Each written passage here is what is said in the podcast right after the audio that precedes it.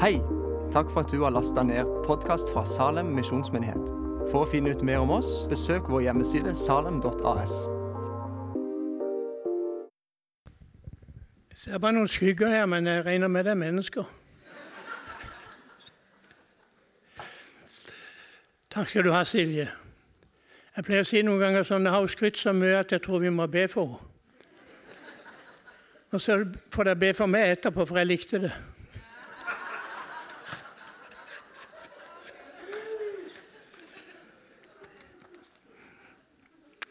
Halleluja. Ja, Geir ringte til meg fredag morgen og spurte om jeg kunne steppe inn på kort varsel. Og Det er rart vet du, med Herren, for jeg hadde, jeg hadde en tekst som har levd i meg i flere dager. Så det var ikke vanskelig for meg å si ja til det. Amen. Er du kjesken på noe godt? Guds ord er alltid godt. Halleluja. Far, jeg bare takker deg og priser deg, Herre, for din storhet og din godhet, din miskunnhet og din nåde, din barmhjertighet, din omsorg, din kjærlighet og din trofasthet. Du er her midt iblant oss. Vi fryder oss i deg. Takk, Herre Jesus. Det er så vidunderlig med deg. Så takker jeg deg for Den hellige ånd. Takk, Hellige ånd, for at du er her. Du bor i våre hjerter. Og må du ta ordet som er levende, føre det inn i våre hjerter, skape noe nytt i oss. Noe som bygger oss opp, noe som forandrer oss. Noe som gjør oss effektive i ditt rike. Jeg ber om det, far, i Jesu navn. Og så ber jeg for Elin, som skulle ha stått her i dag men som er syk. Takk at du er Herren vår lege, og i dine sår har vi fått legedom. Da bare løfter jeg Elin opp til deg, far, og ber at du skal røre meg i formiddag. Driv den uh, influensaen, tror jeg det var, ut av henne, uansett hva det var, Herre. Kom med din legedom til henne. Vi ber om det i Jesu navn. Amen. Amen. Vi skal lese sammen en herlig tekst fra første Salonikerbrev, kapittel 1. Vi skal lese hele det kapittelet, det er ikke så langt. I Jesu navn.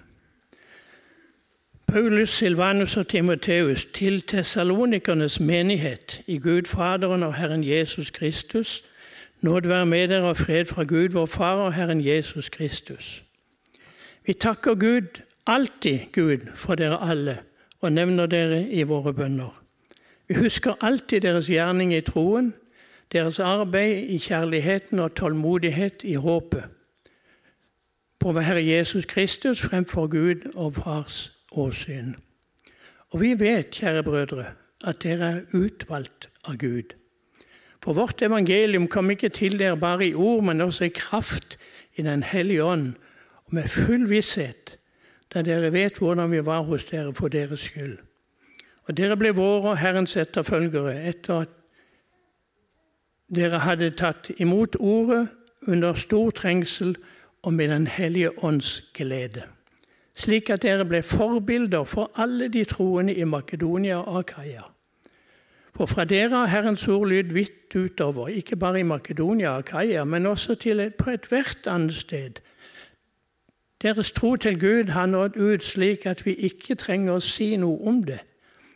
For, for, de selv forteller oss hvilken inngang vi fikk hos dere, og hvordan dere vendte dere, dere til Gud ifra avgudene for å tjene den levende og sanne Gud, og til å vente på Hans Sønn fra himlene, Han som Gud reiste opp fra det døde, Jesus, Han som utfrir oss fra den kommende vrede. Amen herlige ord. Det som jeg vil begynne med her, det er liksom det som er begynnelsen på kristenlivet i det hele tatt. Det står i vers 9 her eh, Dere vendte dere til Gud fra avgudene for å tjene den levende og sanne Gud. Det står ikke dere vendte dere fra avgudene til Gud. Det står der 'venter dere til Gud fra avgudene'. Og det er veldig viktig. De valgte seg til Gud først og til Kristus først. Så de ble født på ny. Så fikk de Den hellige ånd i sitt hjerte. Og så kunne de ta i tur med avgudene og det liv de hadde levd før. Det er veldig viktig. Jeg har møtt mennesker som tror at de må først skikke seg litt før de kan ta imot Jesus. De må jo møte Jesus som et ordentlig menneske. Det er fullstendig galt. Du klarer aldri å få skikk på deg sjøl. Det er bare Jesus som kan få skikk på det. Jeg mener ordentlig skikk på det. Og det vil han. Og så sto det her De vendte seg til Gud fra avgudene for å tjene den levende Gud. Jeg må spørre meg sjøl, eller er det Åssen er det i dag? Mange, ja, hvorfor er du frelst? Jo, for å komme til himmelen. Ja, Hvorfor er du frelst? Jo, jeg er frelst fordi jeg vil ha et trygt liv. Ja, Hvorfor er du frelst? Jo, for jeg vil, eh, jeg vil ha det godt. Det sto ikke det her, men jeg tror de fikk det. Men her står det de vendte seg til Gud fra avgudene for å tjene den levende Gud. Vi er frelst, og vi er født på ny for å tjene. Den eneste grunnen til at du er her i denne verden, det at du er frelst for å tjene. For å gi ditt liv til Jesus og tjene Han der hvor du er, med de gaver som Gud har gitt deg. Hvis ikke så hadde Han spart deg for alle bekymringer og alt det som kamp og strid som er her, og tatt deg rett hjem. Hvis det var bare det at du skulle bli frelst. Men du er frelst for å tjene. Husk det. Du er frelst for å tjene. Og la meg si det på forskudd. Han har gitt deg absolutt alt det du trenger for å tjene. Absolutt alt. Ja. Det fins ikke noen ting du mangler hvis du tjener Jesus. Du bare går til han, og så gir han det. For han vil du skal tjene. Han vil du skal tjene maksimalt. Halleluja. Så de blir frelst for å tjene, og det ble du også. Og det ble jeg altså heldigvis, for det finnes ikke noe som er så vidunderlig og så herlig som å tjene Jesus. Det fins ikke noe i denne verden. Og halleluja. Det er mange ting vi kunne ønske i denne verden. Mange kunne ønske å bli president og litt av hvert. og jeg skulle ønske meg noe sånn smått når jeg kan bli kongenes kongestjener. Halleluja. Så begynn å tjene Jesus. Vet du hva? Det som er med og holder meg oppe, det som er med og bevarer meg, beskytter meg, og det som gir meg gleden i mitt hjerte i Den hellige ånd, det er når jeg tjener. Det er når jeg tjener Herren. Så kom igjen. Bli med på laget. Halleluja. Og så må vi inn litt i den teksten her. Jeg syns den begynner så fint. Vi takker alltid Gud for dere alle og nevner dere i våre bønner. Paulus var en bønnens mann. Det lå han på hjertet alltid å be. Han hadde omsorg for menighetene, sier en annen plass. Den daglige omsorg for menighetene. Og den lå mest av alt i bønn. At han kunne løfte dem opp i bønn til Gud. Ja. Vet du hva bønn Bønn setter himmelen i bevegelse. Ja. Det er faktisk alt det eneste som kan sette himmelen i bevegelse. Det er når du ber. Ja. Så husk på det. Husk på det. Kom til bønnemøtene. Kom og vær med og løft menigheten opp. Så får du svar. Og jeg tror at det vi, alt det vi leste her fra denne menigheten her, det er bønnesvar som Paulus har fått. Det er derfor han kan takke så for alt det som skjer. For han har bedt. Han og Timoteus og Silvanus har bedt for det. Så, så i bønn det er der du har fellesskap med Jesus. Ja. I ordet og bønnen. Det er der du har fellesskap. Der snakker du med han, han snakker til deg, og du har et fantastisk fellesskap. Jeg har vært gift i 60 år, men tenk hvis jeg aldri hadde snakka til Millie. Jeg tror ikke jeg hadde vært gift i dag. Men hun har snakka til meg, og vi har en fantastisk kommunikasjon. i kjærlighet fordi vi er glad i hverandre. Sånn er det med Jesus òg. Halleluja. Priset være Herren. Så de vendte seg til Gud, og så begynte de å be. Halleluja. En levende, voksende menighet har også et lederskap som er grepet av en guddommelig misjon. Jeg fikk den glede og den nåde av Gud og så reise hele vestkysten i Amerika ned og besøke alle de største menighetene på kysten der, i forskjellige kirkesamfunn. Og Jeg lytta til forkynnelsen og jeg lytta til pastorene. Jeg fikk snakke med dem etterpå. Og hver eneste en av dem poengterte nødvendigheten av du må ha en åndelig visjon for menigheten. Du må vite hvor Gud vil ha menigheten hen. Ja. Og Når du vet det, så kan du gå inn i bønn og så be om det. Det står også i Bibelen at uten visjon blir folket tøylesløst. Ja. Det er ingen som gidder å følge en, en, en, et lederskap hvis ikke de har noen visjon. Det skjer jo ikke noe. Så de sa, disse pastorene, husk, be Gud om å få en guddommelig visjon for livet ditt for tjenesten din, for menigheten du står i. Og så sa de og så må du minne folket. Hver eneste gang du er på talerstolen, så må du minne folket om den visjonen som Gud har gitt. Den visjonen som vi har i sammen. Målet vi skal imot, alle sammen.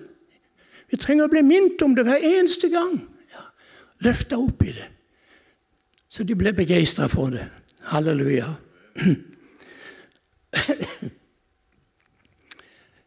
Paulus han fikk sin visjon på veien til Damaskus. Hvis du leser vers 16 og 18, så står det hva den visjonen gikk ut på. Jeg får ikke tid til det nå, men, men uh, vers 16 og 18 i kapittel 26 så står den visjonen han fikk. Og den klarte han Ved hjelp av Den hellige ånd så klarte han å formidle denne visjonen til menigheten i Tessalonika. Så de ble grepet av den samme visjonen, og så begynte de å vokse. Gud er visjonens Gud. Det er Guds metode. Det er det Gud bruker. Og Derfor så sier han også i Bibelen, i profeten Joel, eller i Apostelgjerningen 2, at unge menn skal se syner, ha visjoner, og deres gamle menn skal ha drømmer.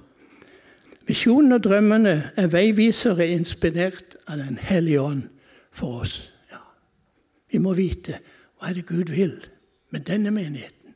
Hva er det Gud vil med oss? Hva er det Gud vil med meg i denne menigheten? Veldig viktig.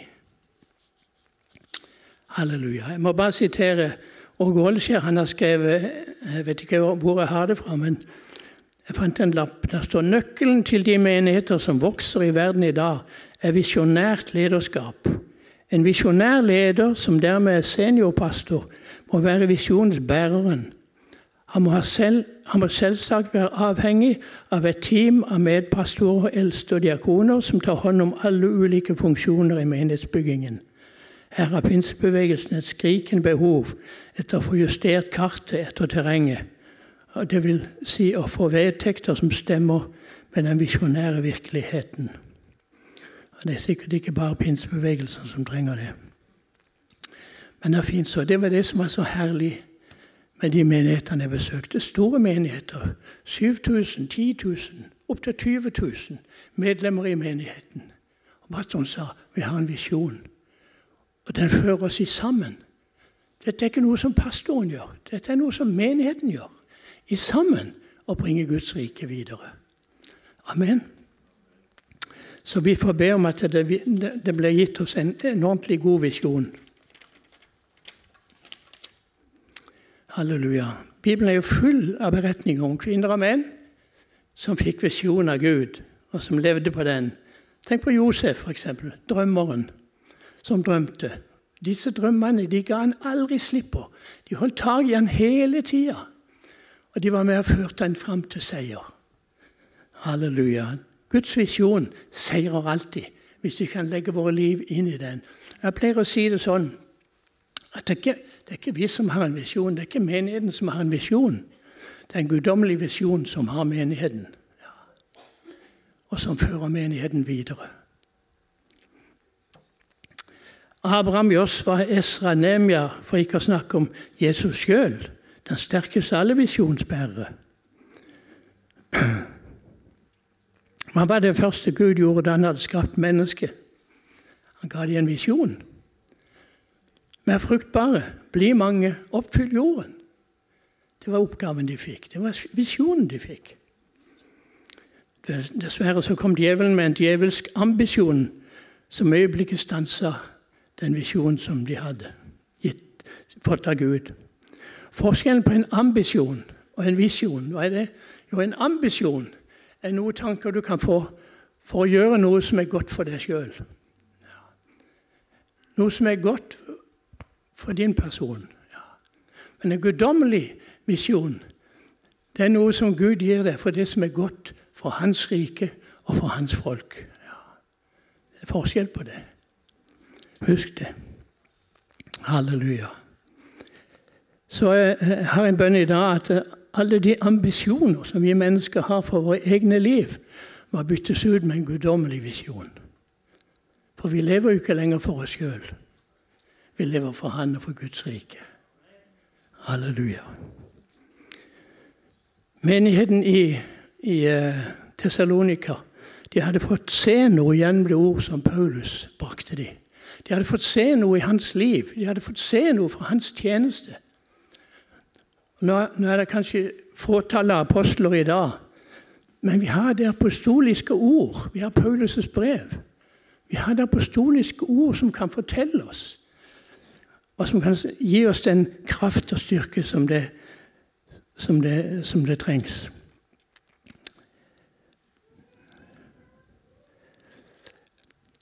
Selv om Paulus forkynte evangeliet, og han forkynte det ikke bare i ord, men han forkynte det i kraft. Ånds- og kraftbevis. Ja. Å, for en mann. Halleluja. Jeg har bedt til Gud lenge. Jeg har opplevd det før. Og Det er et ord i, eh, Markus 16 som vi, som vi setter så pris på. Og det gjelder for oss alle sammen. Først så sier Herren at disse tegn skal følge den som tror. De skal tale i nye tunger, de skal ta slanger i hendene, og så slutter det med at på syke skal de legge sine hender, de skal bli friske. Halleluja. Det er for oss som tror. Og Likevel er det så mange syke blant oss. Han sier en annen plass når du går inn i en by og det er noen syke der det tenker jeg på, Hver gang jeg kjører forbi et sykehus, så tenker jeg på det. Når du går inn i en by og det er noen syke der, skal dere helbrede dem. Idet dere sier 'Guds rike er kommet til deg'.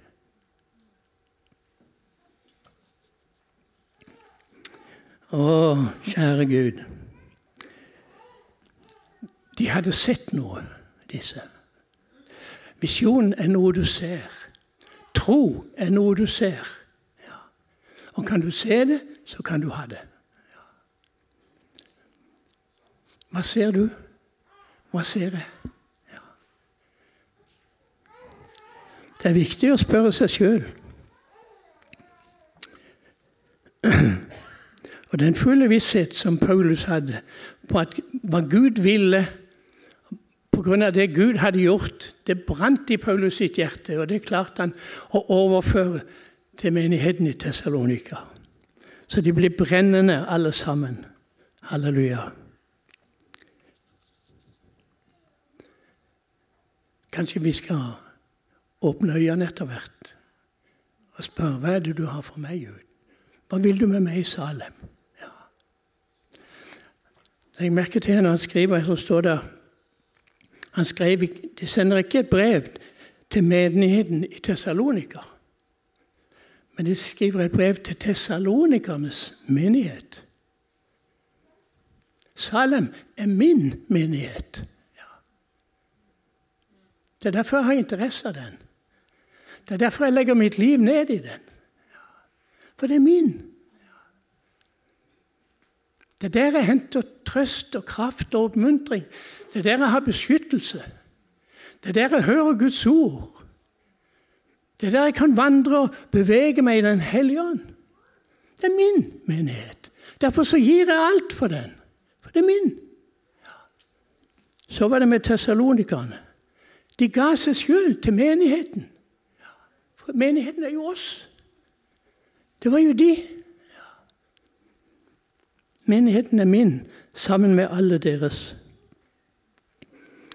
Og så sier Paulus, 'Jeg takker Gud at Han aktet meg tro da Han satte meg til tjenesten'. Han akter meg tro da Han satte meg til tjenesten. Ja. Veldig sterkt. Veldig sterkt. Vi må være tro imot det kallet som Gud har gitt oss. Halleluja. Nå skal vi gå et hakk videre her. Skal jeg bare se.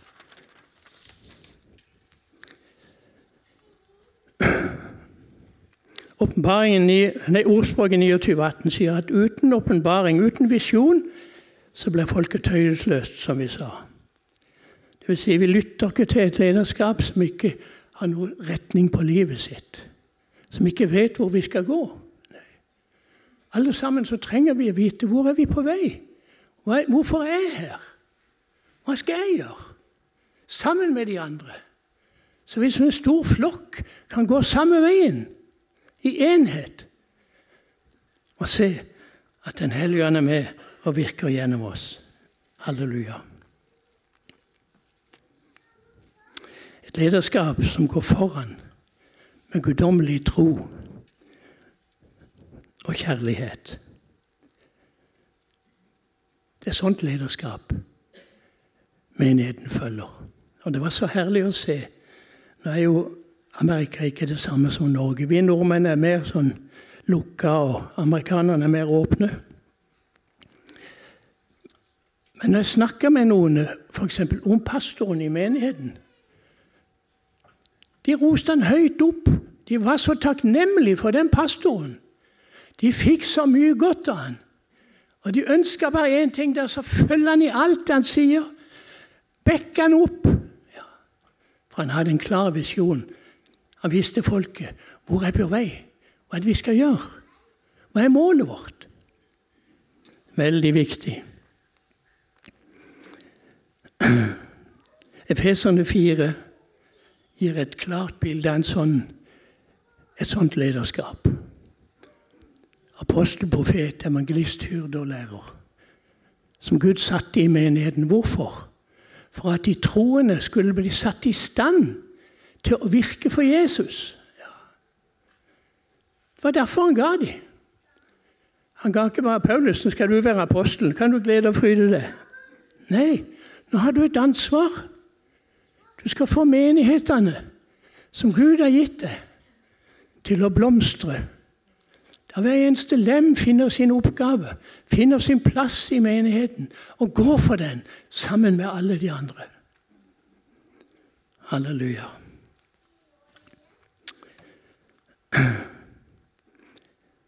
Jeg har vært i menigheter, som jeg sa, i USA, hvor de har en, et sånt lederskap.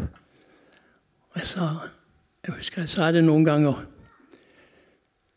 hvis de tilbyr meg en jobb her, så ringer jeg til Millie med en gang så sier jeg, selv alt vi har, og kom'. Jeg har ikke opplevd noe sånn. Helt fantastisk. Alle du snakker med, de var ett. De gikk samme vei. Ja. Og på å si Det var nesten som maurene. De vet jo én til maurtua uansett. De går i flokk.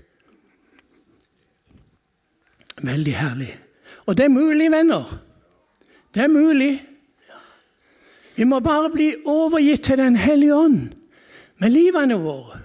Vi må slutte med våre egne ambisjoner. Vi må gå inn for Gud og si 'Jesus, du har en visjon for menigheten. Gi meg den, så jeg kan følge deg.' Du vet, Jesus kommer snart. Vi skal stå til regnskap for Kristus. Ikke for dom eller uten dom, men vi skal stå til regnskap for det som er skjedd ved legemet vårt. Du skal møte han ennå. Ansikt til ansikt. Hva har skjedd med ditt legeme, Wilhelm? Var du overgitt til meg? Det er vel å være en kristen. Det er det herligste som fins, men det er det mest alvorlige som fins. For det har konsekvenser. Både for dette liv og for det kommende. Halleluja. Og til slutt menigheten her. Det var ikke bare seg imellom, men det, de levde et liv. Som Paulus sier, vi husker alltid deres gjerning i troen, deres arbeid i kjærligheten og tålmodighet i håpet på vår Herre Jesus Kristus fremfor Gud og Fars åsyn. Vi husker alltid på deres gjerninger i troen. De levde i tro. Ja. Sånn som Bibelen sier at den rettferdige skal leve ved tro. Ja. Og det gjorde de. De så troen hos Paulus som lederen. Og så levde de i tro på Jesus hver eneste dag. I tro til Jesus. Så de hadde gjerninger i troen. Troens gjerninger. Det er jo fantastisk. Du vet, Bibelen sier at uh, i Efeserbrevet vi er Hans verk skapt i Kristus Jesus til gode gjerninger som Gud har lagt foran, ferdig for oss. De er allerede gjort. Ja, hvordan finner jeg de? Ved tro. Samfunnet med Jesus. I Den hellige ånd. Jesus, hva har du for meg i dag? Hva har du for meg i dag? Og Så kan han si hva jeg har, men hvis ikke han sier noe, så vet jeg bare at de mennesker jeg møter i dag, kanskje det er der at gjerningen ligger ferdig. Ja. Halleluja. Jeg har opplevd det mange, mange ganger. Så går vi i tro. Og hvis du går i de gjerningene som er lagt ferdig i tro, så blir det alltid seier. Alltid seier. Ja. For meg er det sånn at hvis, hvis jeg får en tanke om at jeg skal f.eks. besøke noen, gjerne noen som ikke er frelst, og jeg bestemmer meg for det, så kommer djevelen med alle mulige slags hindringer. Alle mulige slags vanskeligheter. Kan ikke snakke med han om det. Nei, bare glem det. Nei, han er sånn og sånn og bla, bla, bla, bla. bla. Men så vet jeg Hvis Gud har minnet meg om det, så har djevelen tapt allerede. For da er det seier. Ja. Da er det seier. Så en levende sterk menighet, en misjonærende menighet, og det er jo heldigvis også Salem. De hadde tro på evangeliets kraft og var fullstendig grepet av den guddommelige visjonen som apostelen stadig minnet dem om. Den guddommelige kjærlighet gjennom evangeliet var drivkraften i deres liv. Evangeliets vitnesbyrd om Guds ufattelige nåde i Kristus Jesus for deres gjerning i troen og deres arbeid i kjærligheten. De hadde ikke bare møter slik som de fleste menigheter fungerer i dag. Nei, de var aktive i kjærligheten og troen, slik at det ble forbilder for alle de troende i Makedonia og Akaia. For en menighet!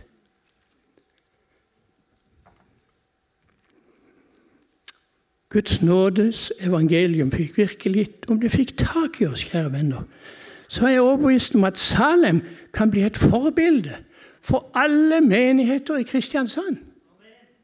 Jeg tror det. Fordi jeg har sett det. Ikke her. Men jeg var så heldig og fikk komme til, til Amerika. Til der vekkelsen gikk i Pensacola.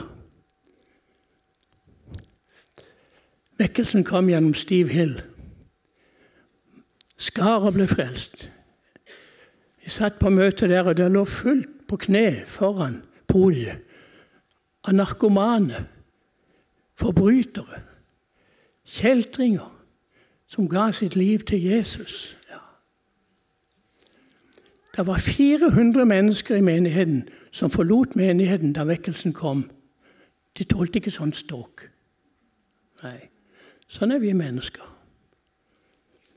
Men de som ble igjen, og menigheten økte og økte, og økte, de ble den største menigheten i Pensacola. Alle folk snakka om menigheten.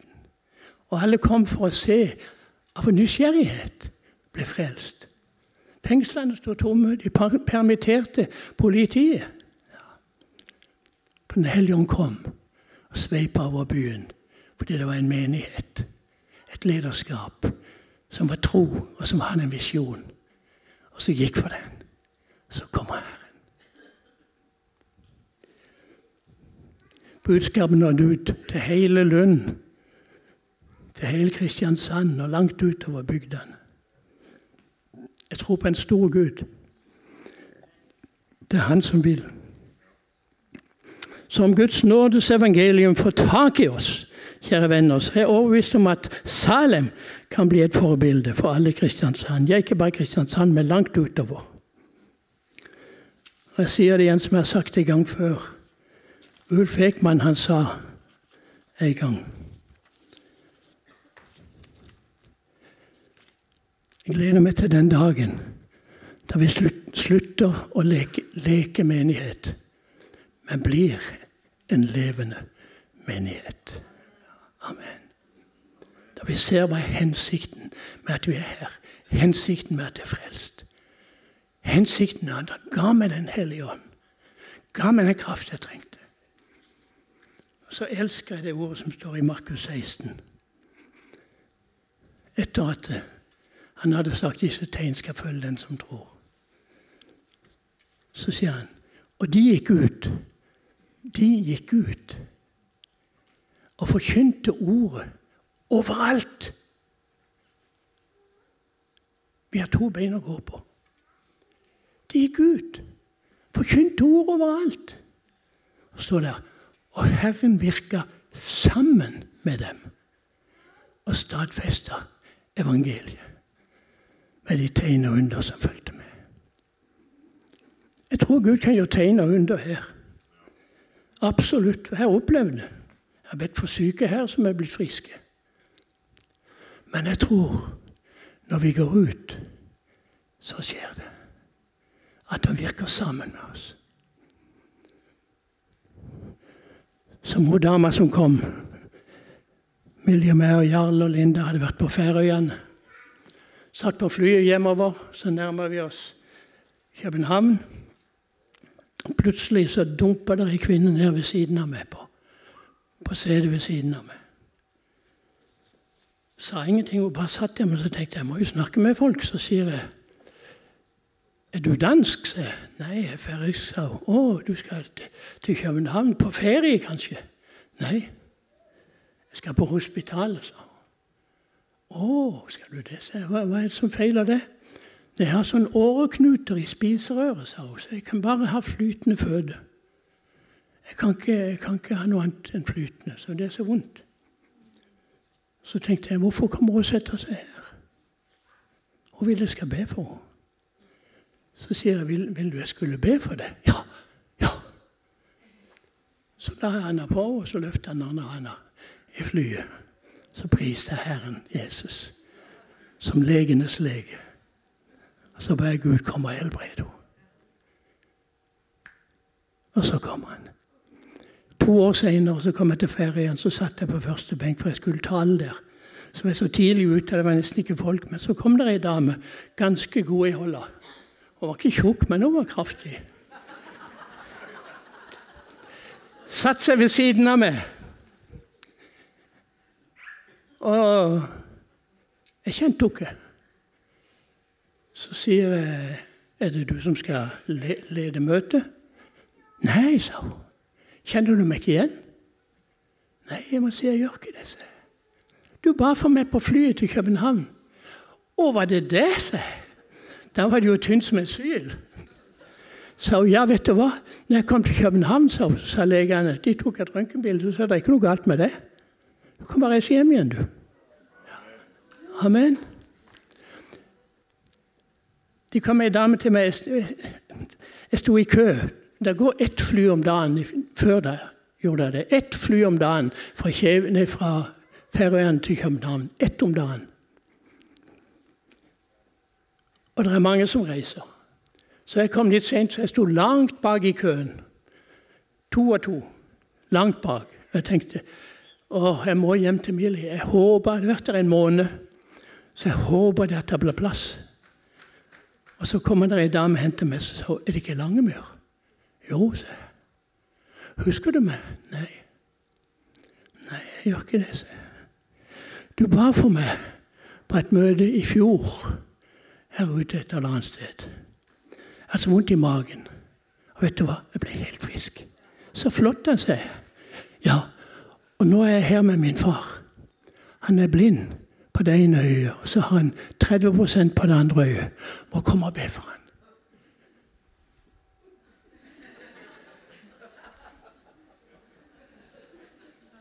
Se den køen.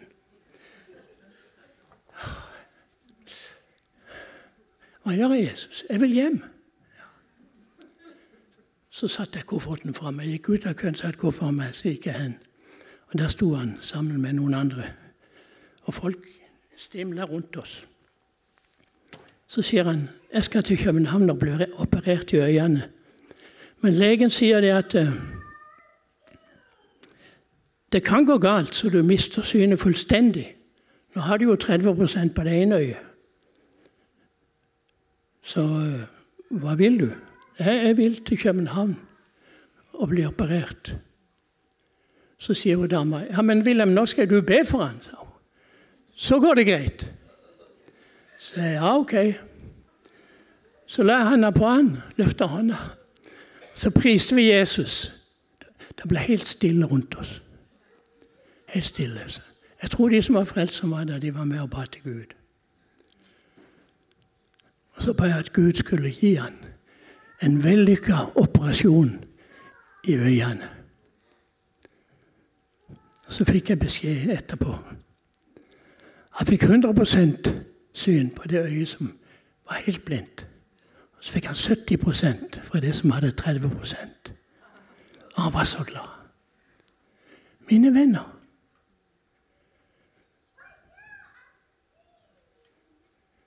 Ettersom enhver av dere har en nådegave, så tjen hverandre med den. Jesus kommer snart.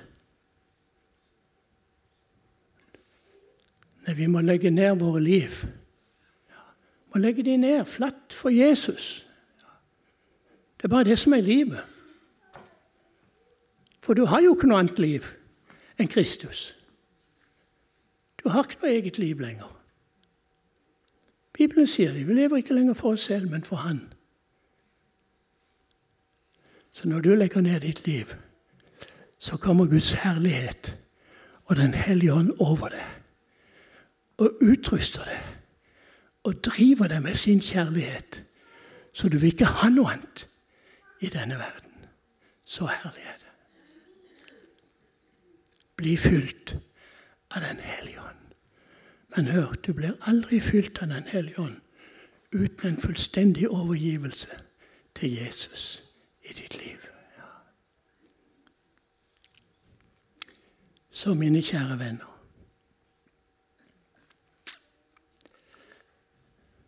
Vi har en mulighet. Vi har et kall. Hva gjør vi?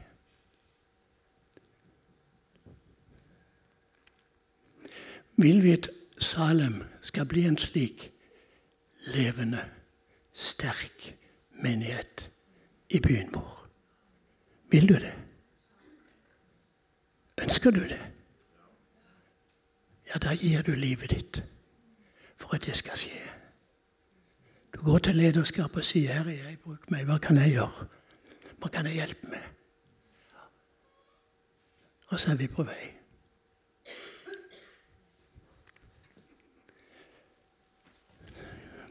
Himmelske Far, vi takker deg skal vi reise oss.